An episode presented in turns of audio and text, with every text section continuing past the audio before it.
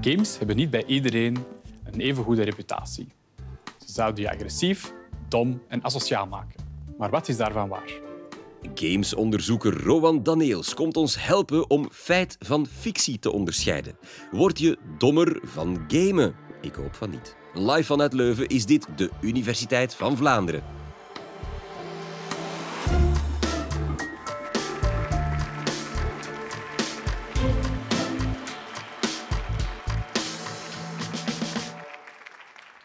Als klein jongetje groeide ik op tussen de videogames.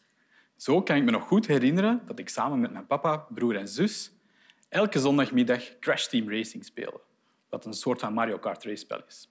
En op dat moment vergaten we heel even dat we die volgende dag opnieuw naar school moesten. En dit is een van mijn leuke herinneringen aan het spelen van games. Maar ik ben er zeker van dat er bij veel mensen een veel negatiever beeld rond games bestaat.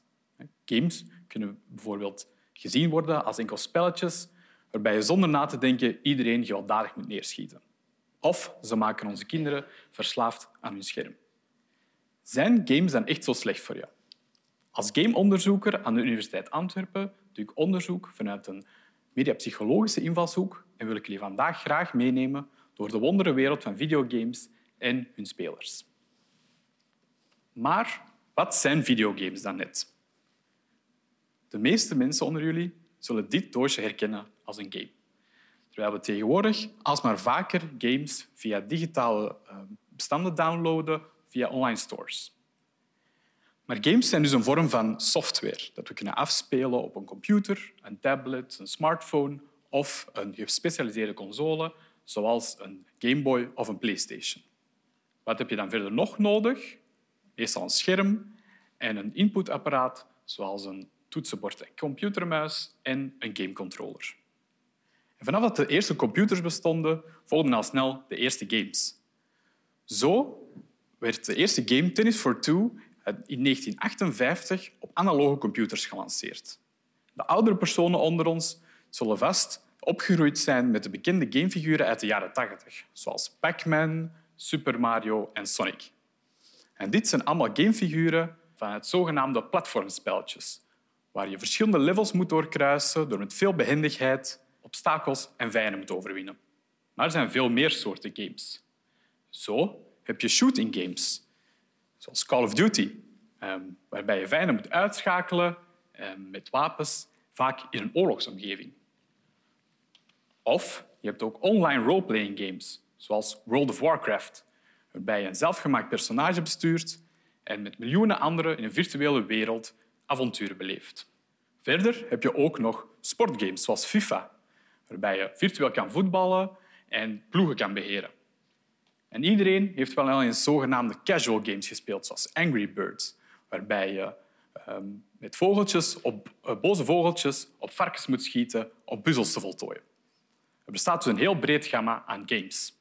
Nu we weten en nu we een beter zicht hebben op wat games net zijn, wil ik jullie graag meer vertellen over zowel de negatieve als de positieve kant van het spelen van games. En een eerste aspect daarvan gaat over geweld en agressie. Vaak wordt de link al wel eens gelegd tussen kinderen die plots een agressieve uithaal doen en ouders die dan al snel zeggen ah ja, dat komt omdat je te veel gewelddadige games speelt. En in 1976 werd dit verband voor het eerst gelegd, toen het spel Dead Race uitkwam. op dit spel moest je als speler met een auto monsters omverrijden die lijken op mensen. En dit spel werd onmiddellijk met bakken kritiek onthaald, omdat het zou aanzetten tot geweld. En sindsdien zijn games op vlak van grafische kwaliteit er enorm op vooruit gegaan, waardoor recente games en ook het voorgestelde geweld erin er enorm realistisch uitzien, wat de kritiek op games alleen maar heeft doen toenemen. Zo is er de beruchte No Russian missie uit Call of Duty Modern Warfare 2. In dit spel moet je eh, infiltreren in een terroristengroep en op een bepaald moment moet je op onschuldige burgers schieten uh, op een luchthaven. Heel controversieel.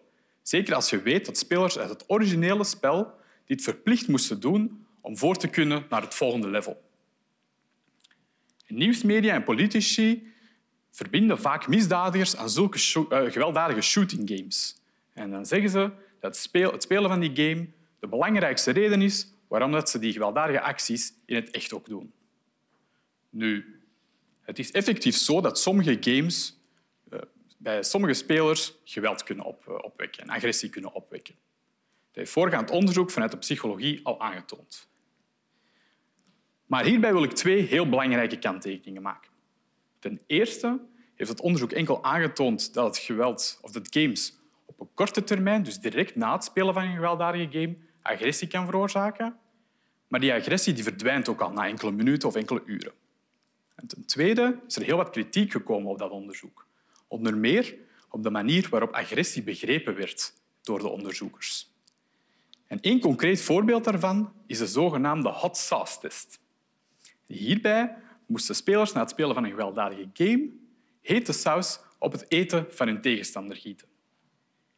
En de hoeveelheid saus werd dan door de onderzoekers gebruikt als maatstaf van hoe agressief die persoon zou zijn. Wat mij betreft lijkt dat niet hetzelfde als echt fysiek of verbaal geweld. Tenzij het natuurlijk heel hete saus is. Meer recente studies hebben wel al gekeken naar het effect van gewelddadige games op langere termijn. En wat blijkt? Spelers worden helemaal niet blijvend agressiever. Een zekere nuance over het effect van games op geweld is dus heel belangrijk om te onthouden. En een minstens even bekend fenomeen van games is het verslavend aspect ervan. Klinkt het volgende bekend in de oren. Een ouder die vanuit de keuken zoon of dochter roept Kom eten! Zoon of dochter reageert helemaal niet omdat ze druk bezig zijn met het spelen van een game. Spreken we dan al van een gameverslaving? Of zijn ze bijvoorbeeld gewoon een online game aan het spelen dat ze niet zomaar op pauze kunnen zetten? Het is niet omdat je een game niet op pauze kan zetten of omdat je er veel uren aan spendeert dat je onmiddellijk gameverslaafd bent. Veel games, en vooral mobiele games op smartphones, zorgen er met zogenaamde retentiemechanismen voor dat spelers elke keer opnieuw terugkeren naar hun game. Denk maar bijvoorbeeld aan de dagelijkse bonussen in Candy Crush. Het beeld van een gameverslaving als echt heel veel spelen wil ik graag uit de wereld helpen. Wat is een gameverslaving dan het wel? Dat is en heel veel spelen en aan niets anders kunnen denken dan gamen tijdens andere activiteiten en wanneer het gamegedrag van die persoon de onmiddellijke omgeving, dus familie of vrienden, school of werk, van die persoon schaadt. Een gameverslaving dat bestaat zeker wel, wil ik niet ontkennen, maar het komt veel minder frequent, voor dan we denken. En een recente beslissing van de Wereldgezondheidsorganisatie, WHO, heeft er niet beter op gemaakt. In 2019 hebben zij gameverslaving officieel erkend als een diagnoseerbare ziekte.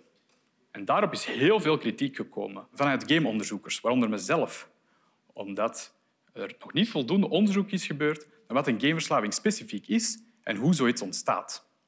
Want voorgaand onderzoek heeft wel al aangetoond dat het frequent spelen van een game niet de oorzaak is van een slechter welzijn, mentale problemen of eenzaamheid, maar net het gevolg.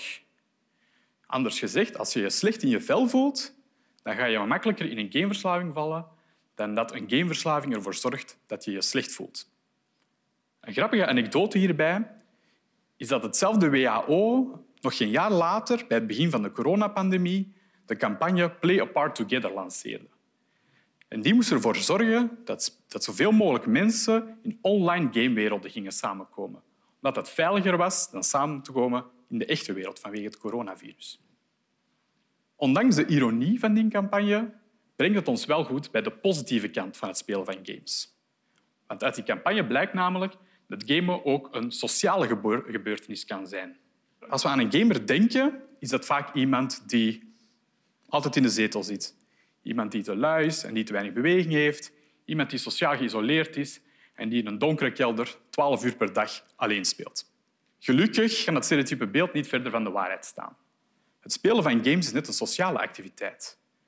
De bekendste games, zoals een Call of Duty, World of Warcraft of een Fortnite, kun je altijd met andere mensen spelen, waarbij je vaak via een headset eh, met anderen in communicatie kan treden. En met deze games en ook andere games kunnen spelers ook belangrijke sociale vaardigheden trainen, zoals het tonen van leiderschap in een groep, maar ook wie wel en wie niet vertrouwen in een groep. En deze sociale vaardigheden kunnen spelers ook naar het echte leven overdragen, bijvoorbeeld in relaties met vrienden of familie. Online games zijn dus met andere woorden Een goede plek om vrienden te maken, maar ook vriendschappen te versterken. En naast dat asociale stereotype is er van de gamer als een luie zetelhanger ook niet veel van waar. Er zijn net veel games die spelers aanmoedigen om actief bezig te zijn. Mensen die ooit al eens op de Nintendo Wii gespeeld hebben, eh, weten ongetwijfeld dat elk spel heel veel armbeweging vereist om iets gedaan te krijgen. En gameontwikkelaars hebben daar ook op ingespeeld. Door games zoals Wii Fit en Wii Yoga te ontwikkelen, geven ze de spelers de mogelijkheid om op een leuke manier via games aan beweging te doen. En andere leuke voorbeelden van zulke bewegingsgames maken veel gebruik van virtual reality technologie. Beat Saber is bijvoorbeeld zo'n zo voorbeeld, waarbij je een VR-bril opzet en op de maat van bekende liedjes blokken moet stuk maken met virtuele lichtzwaard. Heel aanstekelijk toch? Verder denken we aan gamen als enkel plezier maken. Hoeveel ouders zien het gamegedrag van hun kinderen niet als een nutteloos tijdverdrijf? Maar games kunnen ons net slimmer maken en ons zaken doen bijleren. Een goed voorbeeld hiervan is ehm, Assassin's Creed, een populaire reeks games die bekend staat om zijn historisch correcte en realistische omgevingen. En niet alleen kan je dat spel normaal spelen, waarbij je een sluipmoordenaar bent, eh, die politieke complotten en maatschappelijke chaos moet voorkomen, maar de meest recente Assassin's Creed games hebben ook een zogenaamde Discovery Tour-modus. In dat spel moet je niet het verhaal volgen of gevechten aangaan, maar kan je op een rustige manier de historische wereld van bijvoorbeeld het oude Egypte of het Griekenland van Socrates ontdekken. En vandaag de dag worden die games ook al heel veel gebruikt in het onderwijs om leerlingen geschiedenis bij te brengen op een leuke en interactieve manier. Een laatste voordeel van games is dat ze niet enkel negatieve emoties zoals agressie, frustratie of teleurstelling kunnen opwekken. Bijvoorbeeld wanneer we voor de zoveelste keer als Mario door een Goomba terug naar het begin van de level worden gestuurd. Spelers kunnen ook positieve emoties zoals ontspanning of trots opwekken. Bijvoorbeeld wanneer we een heel moeilijke missie net hebben voltooid. Een recente academische interesse geeft aan dat spelers ook zogenaamde eudaimonische ervaringen of eudaimonische gevoelens kunnen hebben. En daar gaat ook mijn eigen onderzoek over. Het begrip eudaimonia komt van het Oud-Grieks. De filosoof Aristoteles zei dat eudaimonisch geluk gelijk staat aan het nadenken over de betekenis of de zin van het leven. Vertaald naar een gamewereld kunnen zulke eudaimonische ervaringen bijvoorbeeld zijn dat je bij een game emotioneel ontroerd geraakt, bijvoorbeeld door de dood van een geliefd personage. Maar het kan spelers ook aanzetten tot zelfreflectie of tot reflectie over maatschappelijke kwesties. Zo heb ik in mijn eigen onderzoek het spel Detroit Become Human bestudeerd, waarbij je als speler in de huid kruipt van een, uh, een android of op mensen lijkende robots. En tijdens dit spel word je continu geconfronteerd met racisme en discriminatie. Bijvoorbeeld wanneer je fysiek mishandeld wordt door een personage het eigenlijk de eigenaar van jouw eigen Android-personage blijkt te zijn. Deze ervaringen zetten spelers aan om verder na te denken dan enkel de gameinhoud en ook die spelervaring te verbinden met de echte wereld van de speler. En een game zoals Detroit doet dat bijvoorbeeld door de gezichtsemoties van die personages op te nemen via motion capture technologie. En hierbij krijgen echte acteurs bolletjes op hun gezicht om die hele gezichtsmimiek vast te leggen en om zo die emoties op een zo realistisch mogelijke manier in de game te krijgen. Net als die vele gevaren van gamen, moeten we die vele voordelen ook nuanceren. Zo zullen deze voordelen niet in elk spel zitten dat je speelt. En ook niet iedereen zal die op dezelfde manier ervaren. Bijvoorbeeld die eudaimonische gevoelens zijn heel subjectief en heel persoonlijk. Dus zijn games echt zo slecht voor je? Het simpele antwoord hierop is nee. Er zijn mogelijke gevaren bij het gamen, maar het weegt niet op tegen de vele voordelen die het spelers kan opleveren. Hopelijk hebben jullie nu ook extra veel zin gekregen om deze veelzijdige gamewereld verder te ontdekken. Game over, deze aflevering zit erop. Dankjewel Rowan om ons alles te leren over games en de wetenschap die daarachter zit. Wil je in de toekomst nog meer bijleren? Abonneer je dan op onze podcast en blijf op de hoogte van alle nieuwe afleveringen. Heel graag tot een volgende keer.